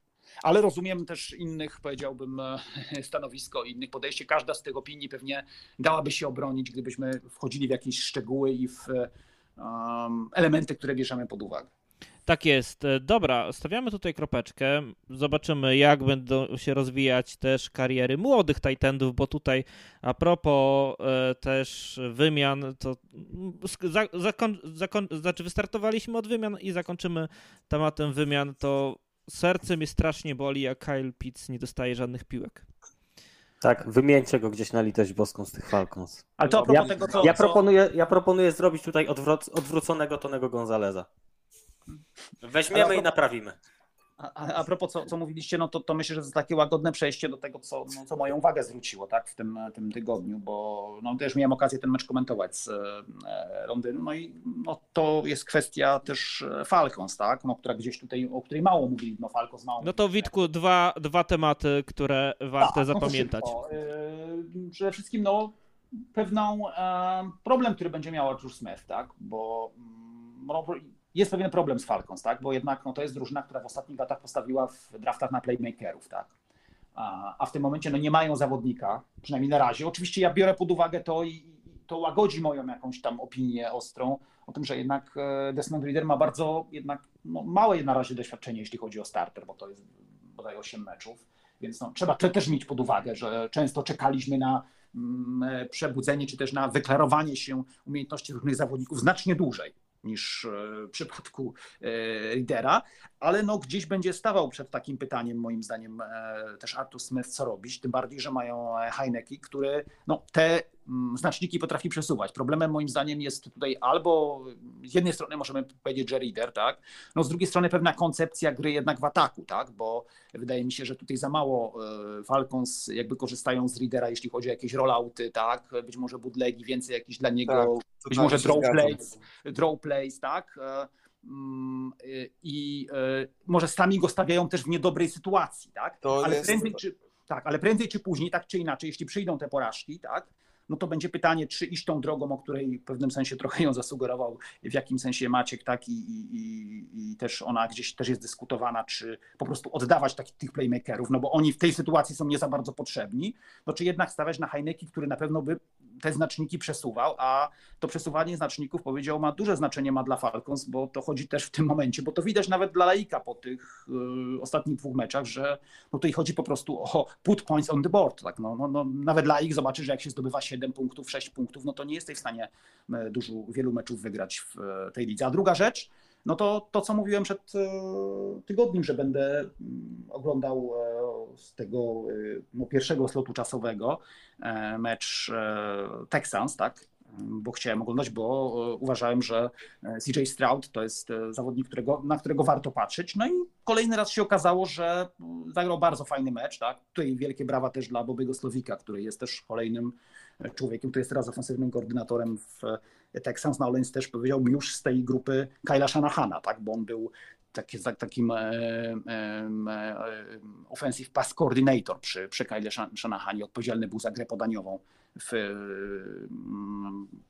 w sezonach, kiedy był w Niners i tam się też wielu u niego zawodników e, wtedy wymieniło, bo to, jest ten, to są te sezony, w których przecież, przecież był i, i, i Purdy, i Lance, tak, i, i e, grało tych zawodników tam, e, miało grać wielu, więc tych problemów z rozgrywającymi, jeśli chodzi o kolejne zmiany, trochę Bobysławik tam miał. No i naprawdę to wygląda bardzo fajnie, znaczy bardzo się miło ogląda CJ Strauda i widać, że on się komfortowo czuje w tym systemie, tak? I potrafią dużo rzeczy z e, nim robić, a jednocześnie nie siłować tych rozwiązań. I e, też nawiązując do tego, co mówił Maciek i znaczy poprzednio tutaj e, mm, cytował, czy też cytował, czy wymieniał w poprzednim podcaście tytuły piosenek. To mi jak oglądam CJ Strauda się przypomina taki utwór Sade, Smooth Operator. Nie wiem, Tak, czy taki tak. kawałek, tak? Y, Jak nie, to chyba, no więc to właśnie dla mnie w tym momencie CJ Stroud jest takim smooth operator. I był taki E, w ucze- na uczelni, taki, taki sam jak był jest tutaj, teraz. Tak, i to jest najbardziej- powiedziałbym, był dobrego, najbardziej dobrego gotowy QB. dobrego coachingu, tak? Był 100% najbardziej gotowy QB na z, przychodząc z uczelni do NFL i to było wiadomo od początku i to było mówione od początku. I być może nadal Bryce Young ma wyższy sufit i wyższy potencjał, ale to, co na dzisiaj prezentuje CJ Stroud w tak słabej drużynie de facto, jakimi są Texans, to, to musi napawać optymizmem na przyszłość, a to, do tego jeszcze warto pochwalić Nico Collinsa i Tanka Della, Tak. którzy świetnie sobie radzą. Tak, i nawet Robert Woods wydawało się, że y, zupełnie wyciągnięty z jakiegoś tam arch... nie wiem jak to mówią o tych starych księgarniach. Tak, tak, o, ale wiesz, taki, to jest taki trochę dla niego safety blanket, no bo to jest taki doświadczony zawodnik. No który, właśnie- No, potrafi pobiec, e, powiedziałbym, taką e, ścieżkę nawet w trudnej sytuacji, czy wrócić w kierunku e, rozgrywającego. No ale ten zespół w ogóle, całościowo, tak, bo i defensywa, i ofensywa, on jest po prostu do tych meczów przygotowany, tak, i i i teraz się wydawało, że przecież ta defensywna linia Steelers pożre tą tak naprawdę no, przetrzebioną strasznie y, offensive line Texans, a jednak Texans sobie też powiedziałbym w sensie strukturalnym z tym poradzili. No i tutaj trzeba oddać, Tak. y, i ściągnąć czapki z głów przed, przed zarówno przed ofensywnym koordynatorem, jak i przed głównym coachem e, Texans, bo wykonali, jeśli chodzi o te przynajmniej ostatnie dwa mecze na przykład i z Jaguars i z, i z e, Steelers bardzo, bardzo dobrą robotę. Tak, oczywiście chodziło mi o antykwariat e, i to właśnie, tak jak mówię, oni otworzyli tę książkę, ten kurz trochę starli i oczywiście to jest dalej stara książka, ale przydaje się e, bardzo często, często też wiedzą futbolową, ale czasami też złapie piłkę. Hubert, dwie, dwa tematy, które po tygodniu czwartym dla ciebie są warte wspomnienia, to? No, jeden to jest na pewno. y, ja, może Maciek jest lepszą osobą, ale ja poruszę temat. Y, Chiefs, Jets. czy, czy Zach Wilson się obudził, czy to po prostu był jeden mecz taki, gdzie on akurat no, lepiej zagrał i już zwróci do, do, do bycie, byciem tragicznym rozgrywającym, bo wiem, że rok temu było Znaczy, kilka na pewno nie wróci w tym tygodniu, bo grają z Broncos. No tak, to, to raczej to, to tu mogą Jeszcze wygrać, się nie ale- dowiemy. Ale, ale ogólnie jestem, jestem miło zaskoczonym, że, że, że tak fajnie zagrał Yy, i ogólnie ten mecz był, był, był dla Jets nawet do wygrania, biorąc pod uwagę jak yy, źle Patrick Mahomes grał i, i że, że oddał tych parę niecharakterystycznych piłek. Yy, No, jestem ciekawy, czy, czy Jets jeszcze mają jakieś, jakieś tam życie w sobie i czy, czy to, że Rodgers wrócił z operacji i teraz jest na, na, w budynku, jakoś będzie wspierało, wspierał Zach Wilsona, żeby grał kompetentną piłkę, to jest pierwsza rzecz. Może A- Taylor a druga- Swift, to jest efekt Taylor Swift. to Może jest Donna Kelsey. Swift. A druga rzecz to jest Cincinnati Bengals. Ja, ja wiem, że y, Burrow jest y, skontuzjowany, Na jednej nocy. ale, ale grają fatalnie. Ojej, oj, poczekajcie. Czyli grając na jednej nodze i mając Orlando Browna jako liniowego się nie wygrywa? Szukam różnic. Czekajcie.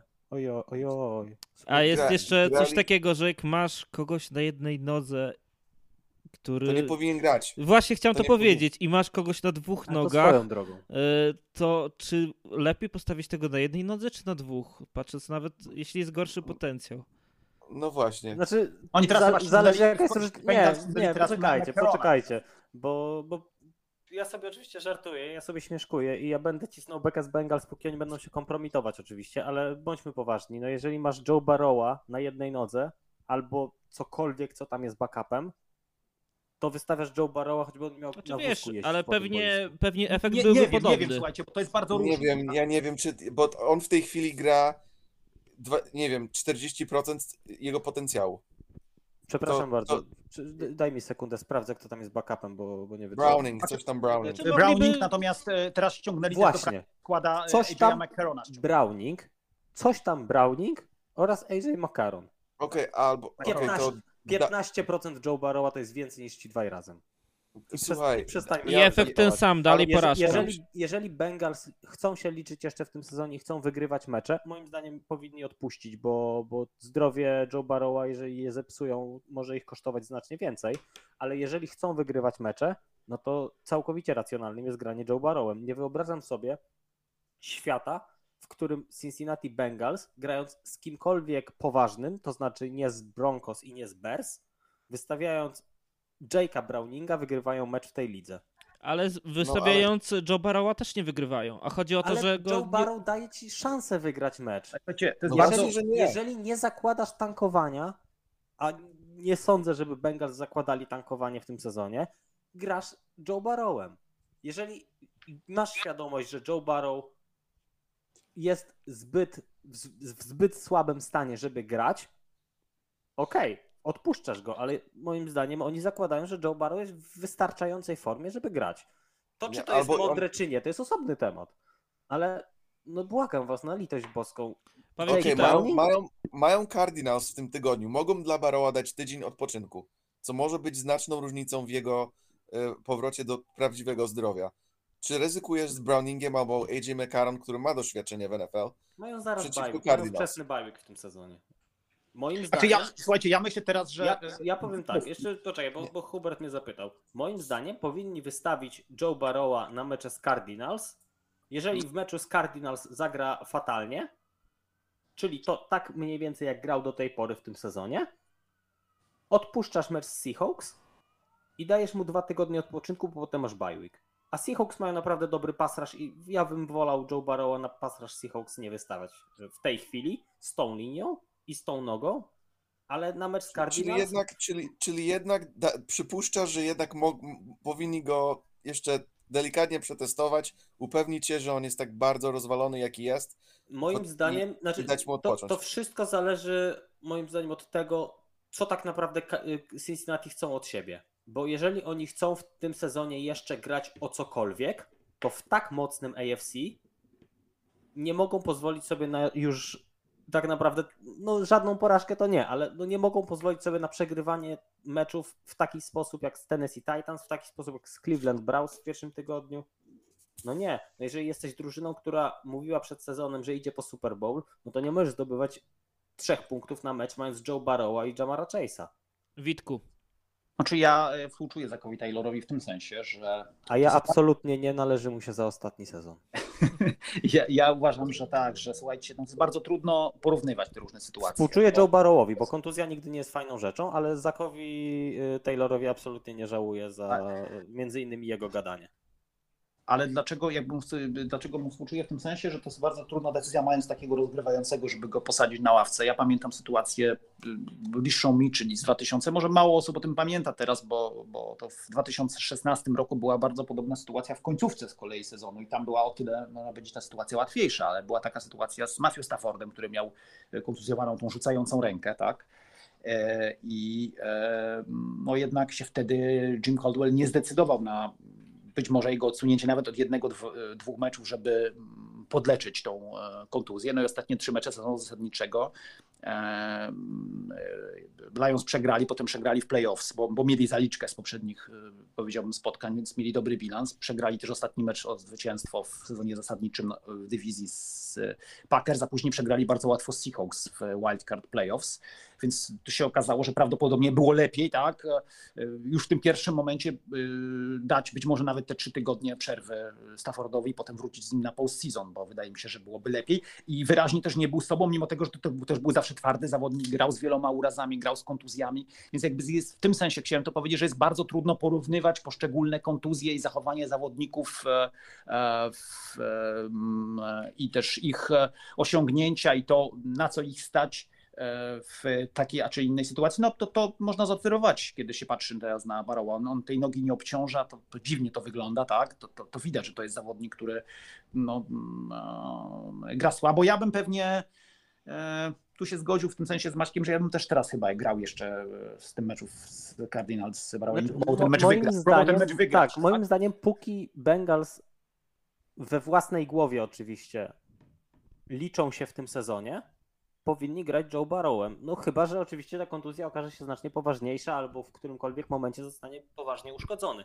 Ale jeżeli lekarze drużyny, Joe Barrow i trener twierdzą, że on się nadaje do gry, a twierdzą to, no bo gra już czwarty mecz, no to, no to nie możesz odpuszczać w momencie, w którym jeszcze o coś walczysz. Co innego jak teraz dajmy na to, Cincinnati mają, no nie jakieś ekstremalnie trudne, ale nieprzyjemne te dwa następne mecze, czyli Cardinals Seahawks.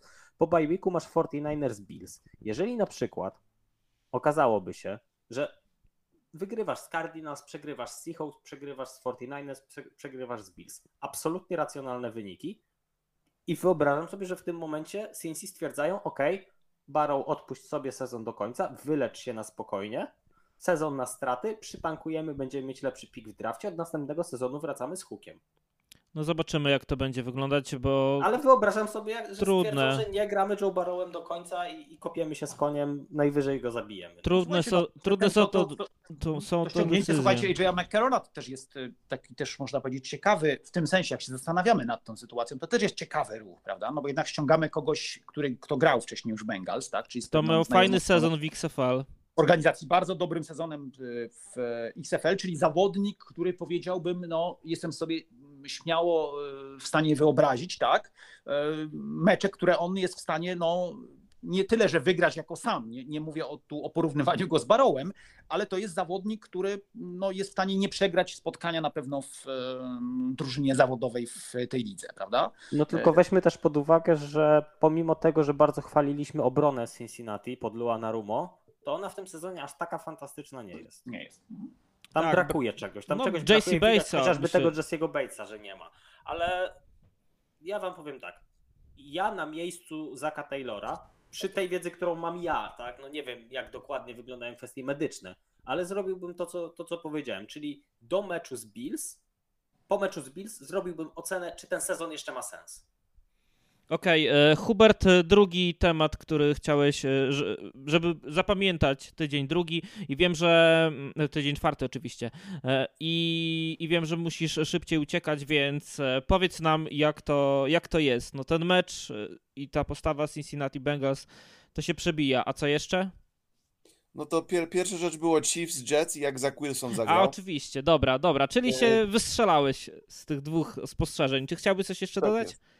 Jak Chiefs w tamtym meczu, wystrzelał się w pierwszej kwarcie, a potem przespał. Tak, jak trochę Bills z Miami Dolphins, ale jeszcze o tym nie wspomnieliście, nie wiem dlaczego, ale dobra. Dzięki wielkie, Hubert, że byłeś z nami. E, słyszymy się za tydzień w kolejnym podcaście. Do następnego. Dzięki Hej. chłopaki, dzięki bardzo. Dzięki. Maciek, e, czas e, na ciebie, dwa tematy. No zacznij i powiedz, że, że o tym. Bills kontra Dolphins. No nie, nie wierzę, że nie chcesz No o tym powiem, powiedzieć. chociaż powiem szczerze, że nie byłem jakoś strasznie zaskoczony, bo ja mówiłem, że, że Dolphins jak trafią wreszcie na kompetentną drużynę, to mogą wcale tak super ekstra nie wyglądać, a ta defensywa nadal jest trochę dziurawa, więc to się w 100% zgadza z tym, co myślałem przed tym meczem. E, Jedno, co mnie faktycznie zaskoczyło, to aż tak znakomity Josh Allen. To, jaką mamy różnicę między Joshem Allenem z pierwszego meczu, a z tego meczu, to jest w ogóle niebo a ziemia. E, Allen zagrał naprawdę fantastycznie, niemal wszystko w punkt. Bez zarzutu. Świetny mecz Buffalo. Okej, a drugie spostrzeżenie? Tyle, no. Tutaj nie ma co kombinować.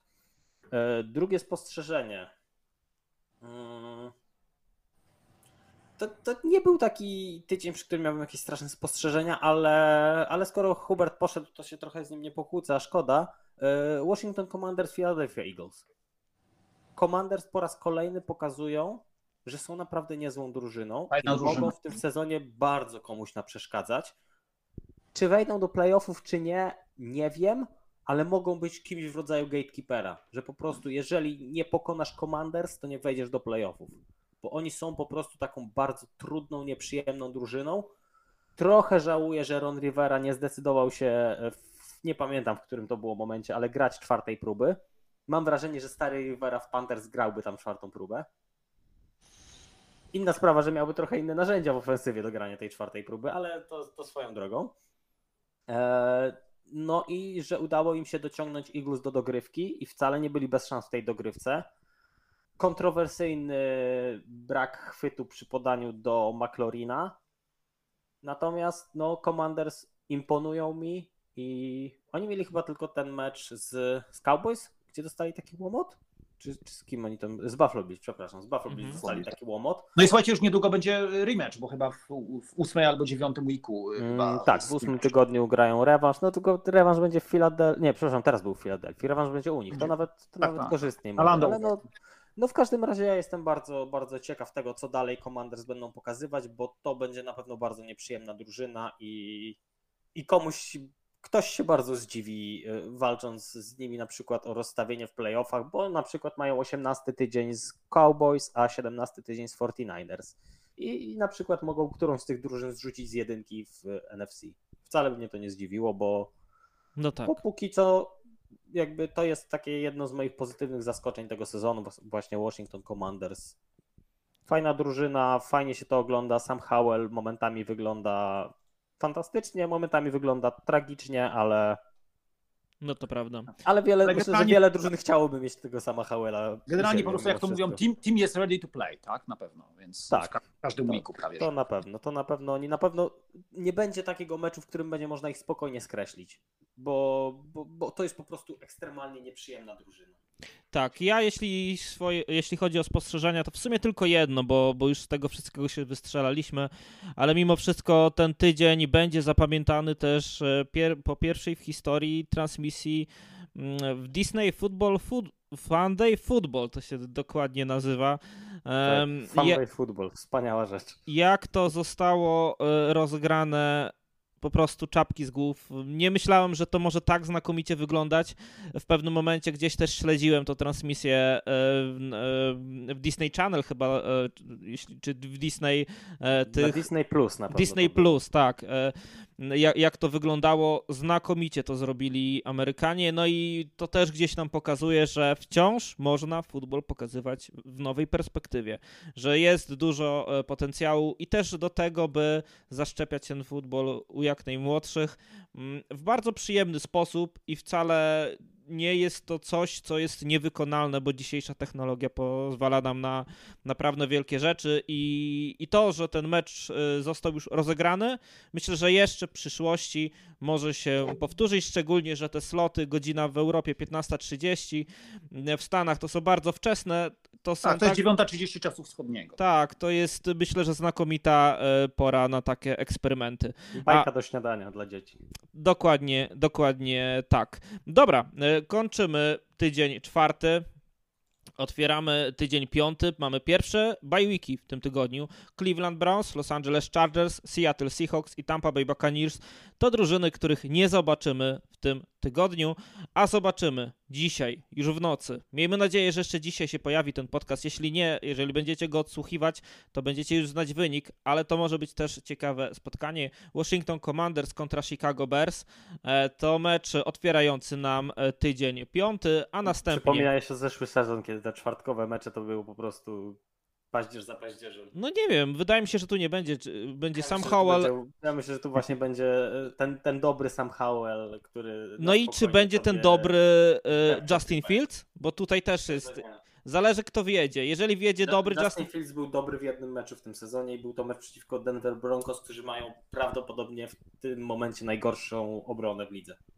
Możliwe, możliwe, ale ja, mimo słuchajcie, ja słuchajcie, z kolei Thursday Night y, wspominam z y, tą, tą serią, która się nazywała kiedyś Color Rush Uniforms. Także Oj, Tak. kolor Rusze to było coś pięknego. Ja za- te, te stroje były cudowne. A jak, a jak ja myślę mecz czwartkowy, to wy- zawsze mam w pamięci takie spotkania, które zawsze w czwartek się odbywały. Nie wiem, czy w tym sezonie są, ale e, to są te mecze Jacksonville Jaguars kontra Tennessee Titans. I to takie mecze jeszcze kiedy Jaguars byli naprawdę bardzo słabi e, i też niewielkie absolutnie zainteresowanie, ale, ale bardzo dobrze się oglądało to spotkanie, bo, bo było równo. E, Dobra, e, to tak jak wspomniałem, czwartek, e, druga 15 w nocy, Commanders kontra Chicago Bears. E, Następnie w niedzielę, godzina 3.30, mm, 15.30. e, Buffalo Bills kontra Jacksonville Jaguars, Tottenham Hotspur Stadium w Londynie. Na tym spotkaniu będzie Kuba Ciurkot. Ma przygotować specjalne materiały, więc też oczekujcie na naszej e, stronie, w naszych mediach, e, czy to Instagram, tam na pewno, a też jeszcze planują jakieś specjalne rzeczy, więc zobaczymy jak to będzie finalnie wyglądać, ale na tym meczu też będziemy. Mecz w Londynie, a później godzina 19. Anta- Atlanta Falcons, Houston Texans. Tutaj już przypomnę, jako pierwszych czytam gospodarzy, żeby było też e, jasne. Detroit Lions kontra Carolina Panthers, Indianapolis Colts e, grają z Tennessee Titans, Miami Dolphins z New York Jets, New England Patriots grają... Tak, a przepraszam, tak. Miami Dolphins grają z New York Giants, a w kolejnym meczu New England Patriots grają z e, New Orleans Saints i ostatnim meczem o godzinie 19 jest starcie Pittsburgh Steelers kontra Baltimore Ravens e, o 22.05. Dwa spotkania Los Angeles Rams kontra Philadelphia Eagles oraz Arizona Cardinals kontra Cincinnati Bengals. Tutaj tylko chcę dorzucić, ale to zresztą może co chcecie zobaczyć, to, to, to może tutaj się gdzieś wstrzelimy. 22-25 Denver Broncos, New York Jets. E, 22-25 również drugi mecz Minnesota Vikings kontra Kansas City Chiefs. Ten mecz, e, Witku, będziesz komentował, tak? Tak jest. E, A ten pierwszy mecz, który zobaczymy na Polsacie Sport, to będzie mecz... Miami Dolphins z New York Giants, a drugi e, to jest Minnesota Vikings z Kansas City Chiefs. Okej. E, No i e, w Sunday Night Football zobaczymy starcie San Francisco 49ers kontra Dallas Cowboys. Kto wie, może to jest przedwczesny finał konferencji NFC. Na, natomiast na zakończenie kolejki czeka na starcie Las Vegas Raiders kontra Green Bay Packers i oczywiście mimo Ależ tego, meczycho. i mimo tego, że to jest takie meczycho, cudzysłowie oczywiście, e, i nawet fani Raiders są rozczarowani postawą drużyny Raiders, to bilety oczywiście horrendalnie drogie, najdroższe w kolejce, 281 dolarów kosztują na ten mecz i pewnie znów stadion będzie wyprzedany wszystkimi kibicami, tylko nie Raiders. Znaczy wiesz co, bo ten okres też taki, to trzeba o tym pamiętać, ten okres wrześniowo-październikowy, tak, jeśli chodzi o, o Vegas, to jest też dużo tak zwanych konferencji, tak, czy konferencji, sympozjów różnych w Vegas, No, także to jest też taki Gale okres, bokserskie, który- ostatnio była fajna też gala w Las Vegas. ludzi, dużo ludzi też przyjeżdża i sobotę. e, to też powoduje, że i ceny zarówno e, jeśli chodzi o te e, hotele i kasyna większe, te na stripie i zarówno jeśli chodzi o ceny wszystkich wydarzeń, one są wyższe, bo po prostu to jest taki okres, w którym do tych zwyczajnych turystów jeszcze dochodzą no, goście biznesowi w już okresie tych wszystkich sympozjów, spotkań branżowych. Tak, no ale jest to pewnym Wbrew paradoksem, że jeśli chcesz jechać na spotkanie Raiders i poczuć atmosferę Raiders, to jedź na spotkanie Los Angeles Chargers, e, znaczy w Los Angeles albo Los Angeles Rams, jeśli taki mecz jest w terminarzu Raiders, bo, bo tutaj w tych spotkaniach w Las Vegas po prostu brakuje tego genu Raiders. I ostatnio też e, jakby pretensje były do tego, bo, bo można było złapać, siedział dosyć nisko w loży właściciel Raiders i podchodzili do niego kibice właśnie i, i, i też tam wrzucali jakieś słowa e, oczywiście do, do, dotyczące Josha McDanielsa, żeby go zwolnić, on tam pokazywał im, żeby się puknęli w głowy, e, żeby zaczęli myśleć, coś nawet takie, takie słowa, no ale też tam padały głowy, że widzisz, to są Raiders, widzisz, to są Raiders. I myślę, że to wielu kibiców Raiders i samego właściciela Raiders też kuje, że po prostu nie ma tej duszy w Las Vegas, jeśli chodzi o Raiders. Stadion No, jest wypełniony. tego, ale on się tego chyba, Karol, no, musiał to brać pod uwagę i musiał to wiedzieć, tak? Znaczy to było skalkulowane moim zdaniem. No, mówiąc, to są jakby tak, takie słowa być może gorzkie dla niektórych fanów Raiders, ale no, to było po prostu kalkulacja czysto Tak. biznesowa. Mark Davis z pewnością nic- na tym zarobił. Nie ma, nie ma co tutaj oszukiwać. Wartość Raiders wzrosła znacznie. Ale czy o to chodzi?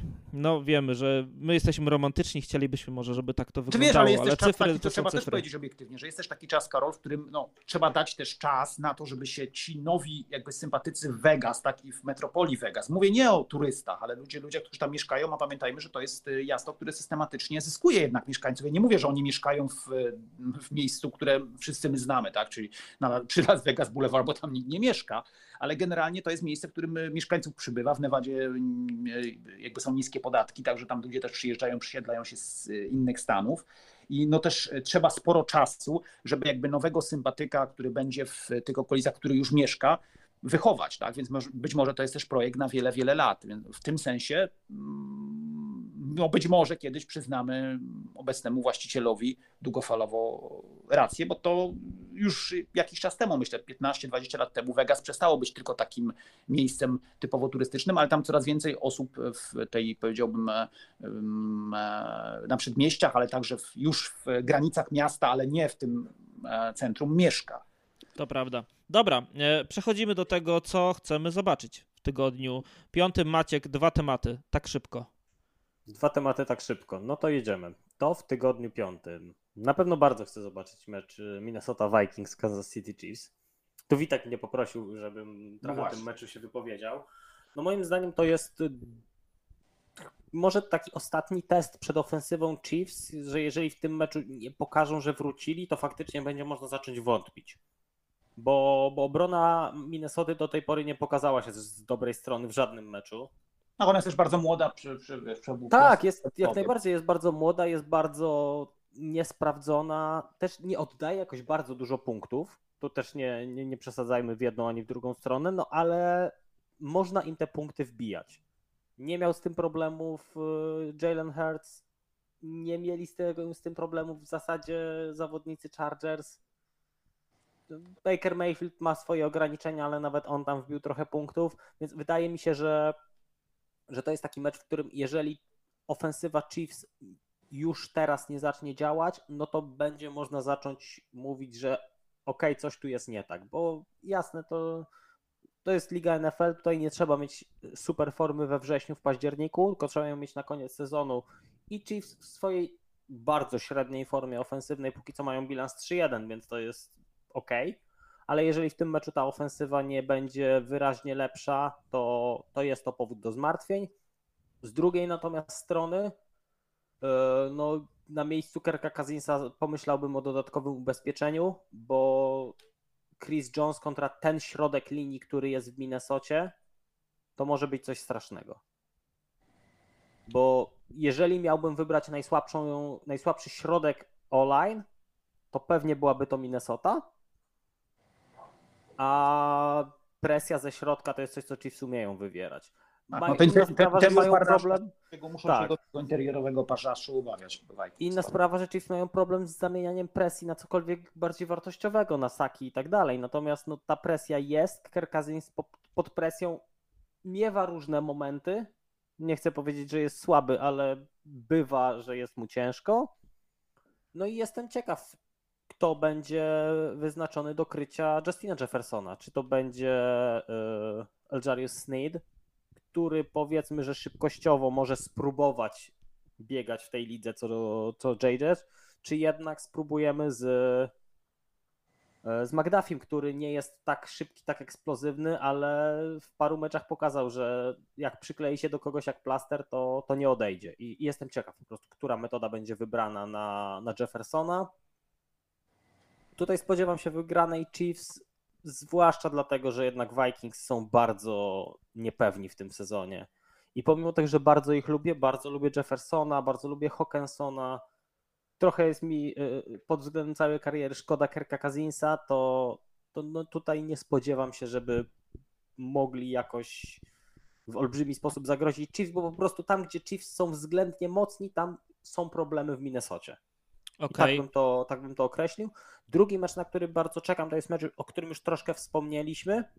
E, To jest mecz Cincinnati Bengals Arizona Cardinals. Tak, no ja też tutaj mam swój pik. To jest e, mecz, który może nam powiedzieć, po co idą w tym sezonie Bengals, bo jeżeli tego meczu nie wygrają, no to faktycznie jest problem. Bo, bo Cardinals na pewno nie będą, znaczy to też na pewno nie będą, du- duże słowa, ale wydaje mi się, że nie będą chcieli tego meczu wygrać, bo ich celem nie jest wygrywanie teraz jak najwięcej. Paradoksem tego meczu może być to, że Josh Dobbs może mieć zdecydowanie lepsze statystyki od Josha Barrowa. No będziemy, będziemy mieli mecz w stylu właśnie Chiefs Jets z zeszłego tygodnia, gdzie Zach Wilson miał lepsze statystyki od Patricka Mahomesa. Tak. I, I absolutnie nie zdziwi mnie, jeżeli Dobbs będzie w tym, w tym meczu lepszy od y, Barrowa. Rozmawialiśmy o tym, więc już nie będę się jakoś strasznie rozwodził, ale jest to na pewno mecz, który będzie Joshua warto Dobbs, obejrzeć, jeżeli się jest neutralnym kibicem, bo to może być po prostu bardzo ciekawe pod wieloma względami. Witku? No ja na pewno tak, y, myślę, że ym, Colts, tak, no bo jednak Tony Richardson cały czas, y, powiedziałbym, no pokazuje, y, że ma ogromny potencjał i uczy ogólnie, to jest, to jest, pod, to jest podobna sytuacja trochę jak, Tex, jak Texans, tak, że się Colts y, fajnie ogląda, tak. Jonathan Taylor wraca. Tak jest, no Albo więc albo nie, tak, ale to mówię, ja, ja jestem akurat, ja nie jestem zwolennikiem, powiedziałbym tego, żeby on, czy jakbym był na miejscu e, decydentów e, Colts, no to, to, to chyba raczej bym nie chciał, żeby wracał, ale to jest jakieś indywidualne zdanie moje. E, Podobno trenuje. tak, tak, tak, tak, trenuję, to prawda. E, Natomiast no, e, ja myślę, że bez niego też sobie jakby ta ofensywa radzi i nie jest to jakby naj, w tym momencie największa potrzeba moim zdaniem dla, dla Colt, żeby akurat on, on grał. No a i oczywiście też to, co mówiliście, czyli również ten mecz no Bengals jest e, ważny w perspektywie w ogóle ich jakichkolwiek ambicji, tak? E, No ale coraz więcej jest tych meczów, e, szczególnie dla drużyn, które no, mają w tym momencie na przykład jedno zwycięstwo, tak? Które zaczynają być już takimi no właśnie pierwszymi meczami, tak? O uratowanie sezonu. Oczywiście mówię to na wyrost, bo bo wiadomo, że zdarzały się w, y, nam nawet w ostatnich sezonach sytuacje, w których ktoś rozpoczynał bardzo słabo, tak? czyli 1-4, 1-5 i jeszcze się bił w końcówce, tak? E, czy nawet 1-6, tak? E, y, Ale y, no to już dla tych drużyn, które mają jedno zwycięstwo, a miały przed sezonem mm, były tam ambicje dotyczące awansu do postseason, no to już zaczyna być taki pierwszy z wielu meczów o wszystko, tak? Z serii. Także pod tym względem też cały, cały lig będzie ciekawy. Okej, dobra. Ja znów ze swojej strony myślę, że chętnie zobaczę mecz Buffalo Bills Jacksonville Jaguars, bo y, jak e, kończyłem e, komentować półfinał ligi ILF, e, to kolejnym spotkaniem miało być spotkanie Chiefs kontra Jaguars i mówiłem, że jest to mecz kogoś, kto już jest żywą legendą ligi NFL wciąż grającą, czyli Patricka Mahomesa. z zawodnikiem czy z, z, z, z liderem drużyny, która no chociaż on chciałby być w przedsionku tej kariery Patryka Mahomesa, oczywiście mi tutaj chodziło o Trevora Lorenza i tutaj mamy podobne zderzenie, bo Buffalo Bills z Joshem Allenem z ostatnich tygodni to jest coś, co jest niedoścignione dla nikogo, a w tym meczu gdzie paradoksalnie Buffalo Bills będą gospodarzem, grać jako gospodarz na, tak. na tym stadionie. E, Trevor Lawrence już będący drugi tydzień, drugi tydzień w Londynie, myślę, że może sprawić niespodziankę, że może być tutaj yy, że może to być ciekawy mecz, no i, yy, i że ta Buffalo Bills, ta ekipa Buffalo Bills, znaczy, no mówię, teoretycznie na papierze jest wszystko jasne, ale wcale nie wykluczałbym, że tutaj e, Jacksonville Jaguars mogą, mogą zaskoczyć i, i ten dwumecz, bo dwa spotkania w tym, w tym roku w Londynie będą grać, mm, to może się skończyć dla nich dwoma zwycięstwami. Zobaczymy, jak, jak, to, jak to finalnie będzie wyglądać. Natomiast e, jeśli chodzi o ten drugi mecz, który chciałbym zobaczyć, to mecz Los Angeles Rams kontra Philadelphia Eagles, bo też wspominaliśmy o tym, że Philadelphia Eagles trochę się prześlizguje po tych wszystkich spotkaniach a Los Angeles Rams grają naprawdę bardzo dobry futbol y, i z tego, co wszystko na to wskazuje, wszystkie znaki na niebie i ziemi, chociaż może jeszcze mm, aktywują go Los Angeles Rams, oczywiście mam, miałem tu na myśli Coopera Kappa, e, ale może jeszcze w tym meczu nie wystąpi, zobaczymy jak to będzie wyglądać, natomiast y, trenuje i i naprawdę Rams mają fajną drużynę i to może być ten czas, kiedy Philadelphia Eagles straci te swoje zero, jeśli chodzi o rekord porażek. Jest do tej pory 4-0. Nie wiem, czy tutaj e, Rams nie sprawią niespodzianki i na swoim obiekcie, przy swoich kibicach e, tych, e, tych Eagles pokonają. To są te dwa spotkania, o których na pewno chciałbym powiedzieć. No oczywiście wszystko zamyka mecz Raiders kontra Packers. Będziesz oglądał, rozumiem, live, tak? Właśnie tutaj tak chciałem tylko zakończyć. Będę raczej oglądał, no, będę oglądał, nie ma co tu się oszukiwać. Będę oglądał to na żywo, ale e, chciałbym tym zakończyć, że e, wieści z Raiders mówią o tym, że Jimmy Garoppolo wcale nie musi tam startować. Więc jeśli ktoś, nie wiem, no nie, nie, nie trzyma... I Josh, yy, i wiesz co, Josh McDaniels yy, to o tym powiem, bo, bo to jest fajna ciekawostka. Wrzucił go pod pociąg po ostatnim spotkaniu, bo on zagrał naprawdę dobry mecz z Chargers e, jako debiutant. Przyzwoity. Tak, znaczy, no jako, jako debiutant dobry, okej. Okay. Tak, ale jako generalnie przyzwoity mecz moim zdaniem. Nie, no oczywiście. Myślę, że nawet lepiej niż oczekiwałem, że to zagra. Zdecydowanie ja również.